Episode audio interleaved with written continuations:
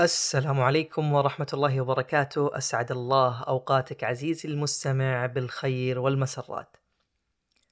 دائما وأبدا يسعدني كثيرا ويشرفني متابعتك لهذا البودكاست وتقييمك له وإبداء آرائك ومقترحاتك في خانة التعليقات، كما يسعدني كثيرا ويشرفني اشتراكك في خدمة أصحاب اسأل التاريخ اللي تقدم حلقات مميزة وفريدة للمشتركين آه، دائما وابدا يعني للامانه أني أقرأ جميع التعليقات اللي تكتبونها فهي محل تقدير واهتمام ويسعدني كثيرا أني أقرأ آه، تعليقك سواء في آه، التعليقات أو في خانة التعليقات أو على حسابات التواصل اللي تظهر عندكم في صورة العرض للبودكاست.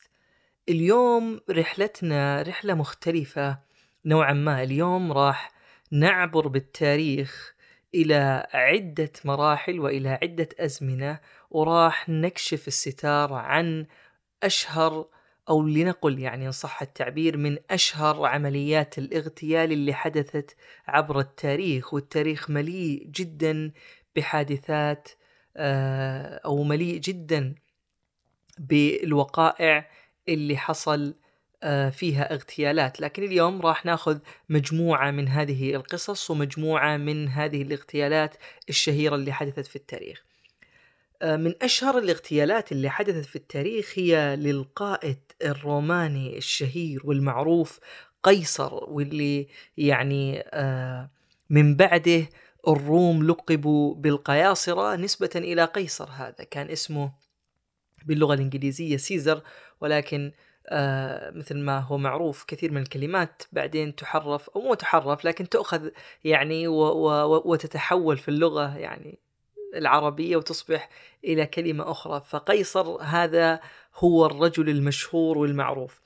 طبعا قيصر حتى نفهم لماذا حدث الاغتيال. يجب أن نرجع يعني ونأخذ لمحة بسيطة عن ما حدث. قيصر لما أخذ الحكم في آه الإمبراطورية الرومانية بدأ بمجموعة تغييرات ومجموعة آه، قوانين. كل هذه القوانين والتغييرات اللي سنها كأنها بداية آه، نستطيع أن نقول تحويل الإمبراطورية الرومانية من حكم آه، جم يعني من حكم إن صح التعبير ديمقراطي في ذلك الوقت إلى حكم ملكي. فهذا الشيء جعل كثير مما ممن في المجلس اللي كان مجلس الشورى أو المجلس اللي كان فيه جميع آه، من يطلق عليهم أعضاء مجلس الشيوخ. طبعا يعني كل المسميات في النهاية هدف يعني الفكرة واحدة. ف اللي يهمنا إنه هذا المجلس اللي هو مجلس الشيوخ أو مجلس الشورى أو سمه أي مسمى كان فيه مجموعة من النواب والنواب هؤلاء يصوتون على كثير من القرارات اللي يتخذها القيصر. فبالتالي لم تكن السلطة يعني إن صح التعبير يتفرد بها القيصر لكن قيصر هذا لما جاء ويعني آه، تمكن ووصل إلى السلطة بدأ يغير كثير من الأنظمة والقوانين فأصبح فعليا هذا المجلس مجلس النواب أو مجلس الشيوخ هو مجلس مهمش. فهنا أعضاء هؤلاء آه، أعضاء هذا المجلس قرروا إنهم سينتقمون من قيصر. في اللي حدث إنهم قالوا إنهم سيقيمون آه، جلسة يعني في في هذا المجلس. جلسة كالجلسات يعني اللي تقام في مجالس النواب ومجالس الشورى الدورية. فقامت هذه الجلسة وفعلا في يوم 14 مارس أو في 14 مارش في سنة 44 قبل الميلاد حضر قيصر هذا المجلس. وفجأة وبدون سابق إنذار عفوا وبدون سابق إنذار بدأ أعضاء هؤلاء المجلس يطعنون قيصر طعنة تلو الأخرى. حتى جاء رجل. هذا الرجل يدعى بروتوس.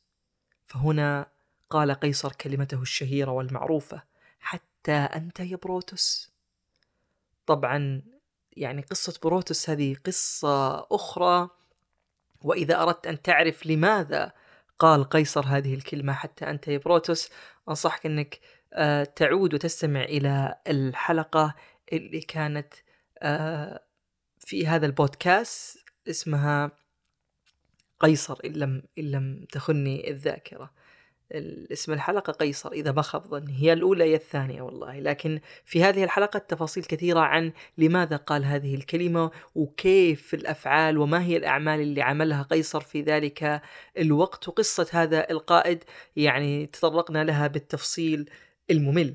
المهم إنه بعد موت القيصر دبت فوضى عارمة في روما. لن ندخل في تفاصيلها ولكن قد تستغرب وتتساءل عزيزي المستمع إنه لماذا لم يكن هناك حراس شخصيين مع قيصر يدافعون عنه؟ كانت العادة في روما إنه الحراس الشخصيين لا يذهبون آه، مع القائد إلا في المعارك وفي الحملات العسكرية ولكن أثناء تواجده في روما وأثناء تواجده في مجلس النواب أو مجلس الشيوخ لا لم يكن متعارف إنه يحضر أي حارس شخصي فلذلك حدثت هذه الحادثة وقتل واغتيل قيصر آه، من خلال هذا المجلس اللي كان يرأسه. الحادثة الثانية من أشهر آه، حوادث الاغتيال كانت لولي العهد النمساوي الأمير فرناندز كان مرة من المرات قادم لزيارة البوسنة وبالتحديد مدينة سراييفو. وفي تلك الفترة كان هناك مجموعة من آه، أعضاء إحدى المنظمات اللي كانت تدعو إلى انفصال سراييفو عن النمسا في ذلك الوقت. طبعا أمير النمسا وولي عهدها فرناند كان عنده مشروع وفكرة أنه تكون هناك ولايات متحدة نمساوية. وطبعا الكلام هذا كان في 1914 يعني قبيل الحرب العالمية الأولى. وإن صح التعبير هذه الحادثة هي كانت سبب لاشتعال الحرب العالمية الأولى اللي حدث أنه مر بموكبه هذا الأمير وفجأة يخرج له أحد الطلاب الصرب ويطلق رصاصة تخطئ الأمير فيقوم الأمير من على العرب اللي كان موجود فيها ويصيح يعني بأعلى صوته أهكذا تستقبلون ضيوفكم فما إن أكمل هذه الجملة إلا ورصاصة أخرى يعني تصيب هذا الأمير وترديه قتيل هو وزوجته.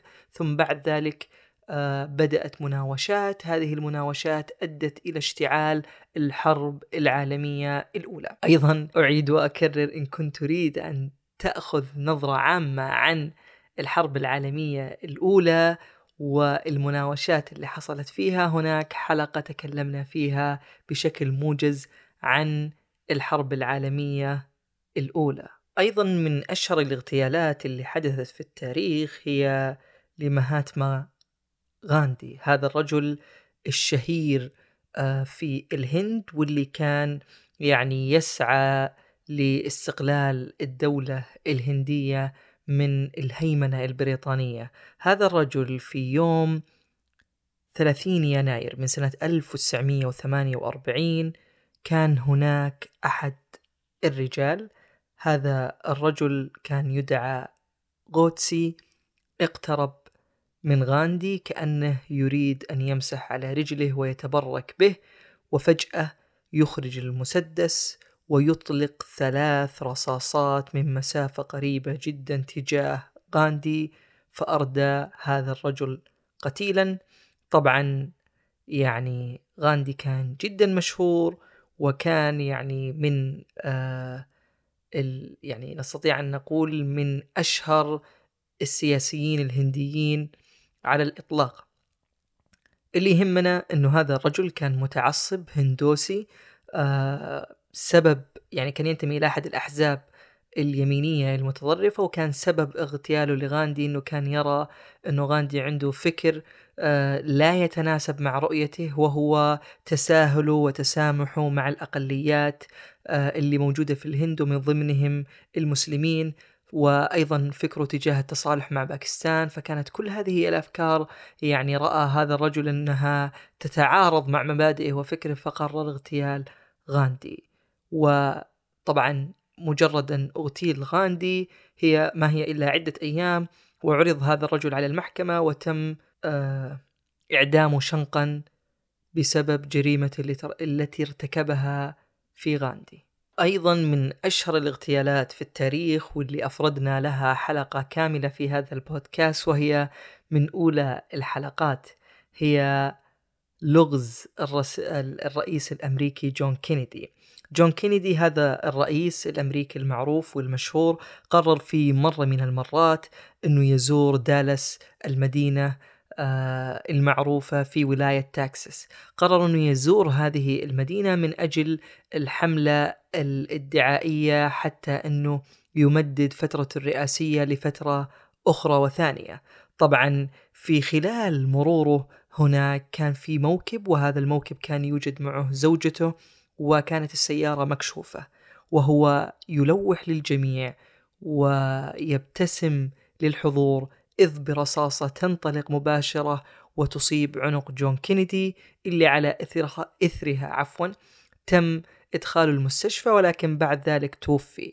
طبعا قصة جون كينيدي عجيبة وغريبة وفيها ألغاز جدا كثيرة وأيضا فيها بعض الأمور اللي الإنسان قد يعني بعض الأحيان يتعجب منها. يعني عندما نزل الرئيس الأمريكي من الطائرة وركب آه، سيارته في الموكب كانت الأجواء آه، ممطرة فكانت السيارة مغلقة.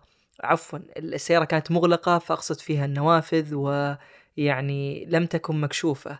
ولكن يشاء الله سبحانه وتعالى أن تظهر الشمس في ذلك الوقت ويقرر الرئيس بحكم إنه الجو جميل والشمس مشرقة إنه يفتح النوافذ ويكشف السيارة ولكن كان هذا قدر الله يعني ماضي فيه فأتت هذه الرصاصة واغتالته العجيب طبعا في قصته أنه الرجل اللي اغتاله وهو يدعى آه، أوزلد إن لم تخني الذاكرة آه، بعد يعني القبض عليه ما يعني أخذ يوم يومين إلا جاء رجل آخر صاحب ملهى ليلي وير يعني وكانت الشرطة تنقل أوزلد فيقوم هذا الرجل ويخرج مسدده مسدسه. أنا اليوم أخطائي كثيرة ما أعرف ليش. ويقتل أوزلد فيعني كان لغز حائر عجيب غريب لماذا قتل جون كينيدي. طبعا ذكرنا بعض آه، التحليلات وبعض الأمور وبعض التفاصيل الدقيقة. أو ال ال ال بعض ال ال آه، القصص وبعض الأحداث بشكل مفصل في حلقة لغز آه، الرئيس الراحل آه، جون كينيدي. طبعا يعني هناك حتى بعض النظريات وأنا لا أؤمن فيها طبعا ولكن يعني هي معروفة ومشهورة أو هناك نظرية تقال أو قيلت ألا وهي لعنة عائلة كينيدي لأنه كانت هناك أحداث كثيرة جدا كثير من عائلة كينيدي يعني اغتيلوا أو قتلوا فعلى سبيل المثال أخوه روبرت آه روبرت تم اغتياله وأحداث جدا كثيرة حدثت لهذه العائلة لدرجة أن البعض قال أن هناك لعنة أصابت هذه العائلة. طبعا مثل ما ذكرنا هذا كلام يعني آه فارغ آه لا وجود له من الصحة ولكن أنا نقلت ما يقال ويشاع عن هذه العائلة. من وجهة نظر مختلفة. المهم القصة الأخيرة عندنا هي أندريا غاندي وهذه المرأة كانت هي رئيسة وزراء الهند آه، في سنة 1984 وكان في يوم من الأيام العادية لها متجهة لمقابلة أحد الممثلين البريطانيين المعروفين حتى يصور لها فيلم وثائقي.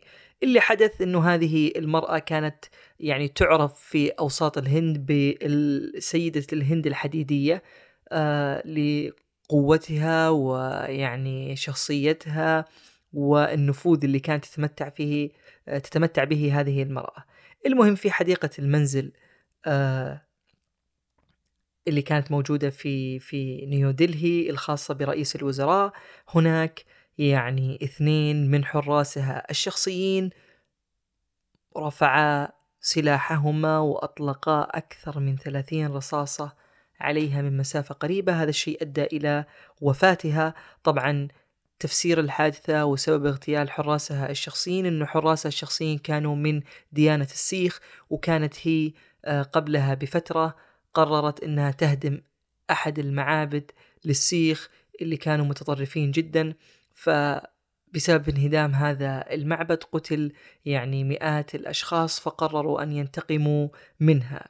العجيب أيضا إنه بعد يعني وفاتها ابنها هو من يعني أصبح يعني خلف لها ولكن أيضا هو اغتيل بتفجير حزام ناسف في سنة 1991 طبعا مثل ما ذكرت إنه في هذه الحلقة إحنا جبنا من أشهر الح... يعني أحداث الاغتيال عبر التاريخ ولا الحوادث في التاريخ جدا جدا جدا جدا كثيرة. يعني هناك قصص كثيرة ما ذكرناها هناك أحداث كثيرة. هي مجرد يعني آه من القصص اللي طرأت ومن القصص أو من الأحداث اللي يعني اشتهرت في التاريخ باغتيال هؤلاء الشخصيات.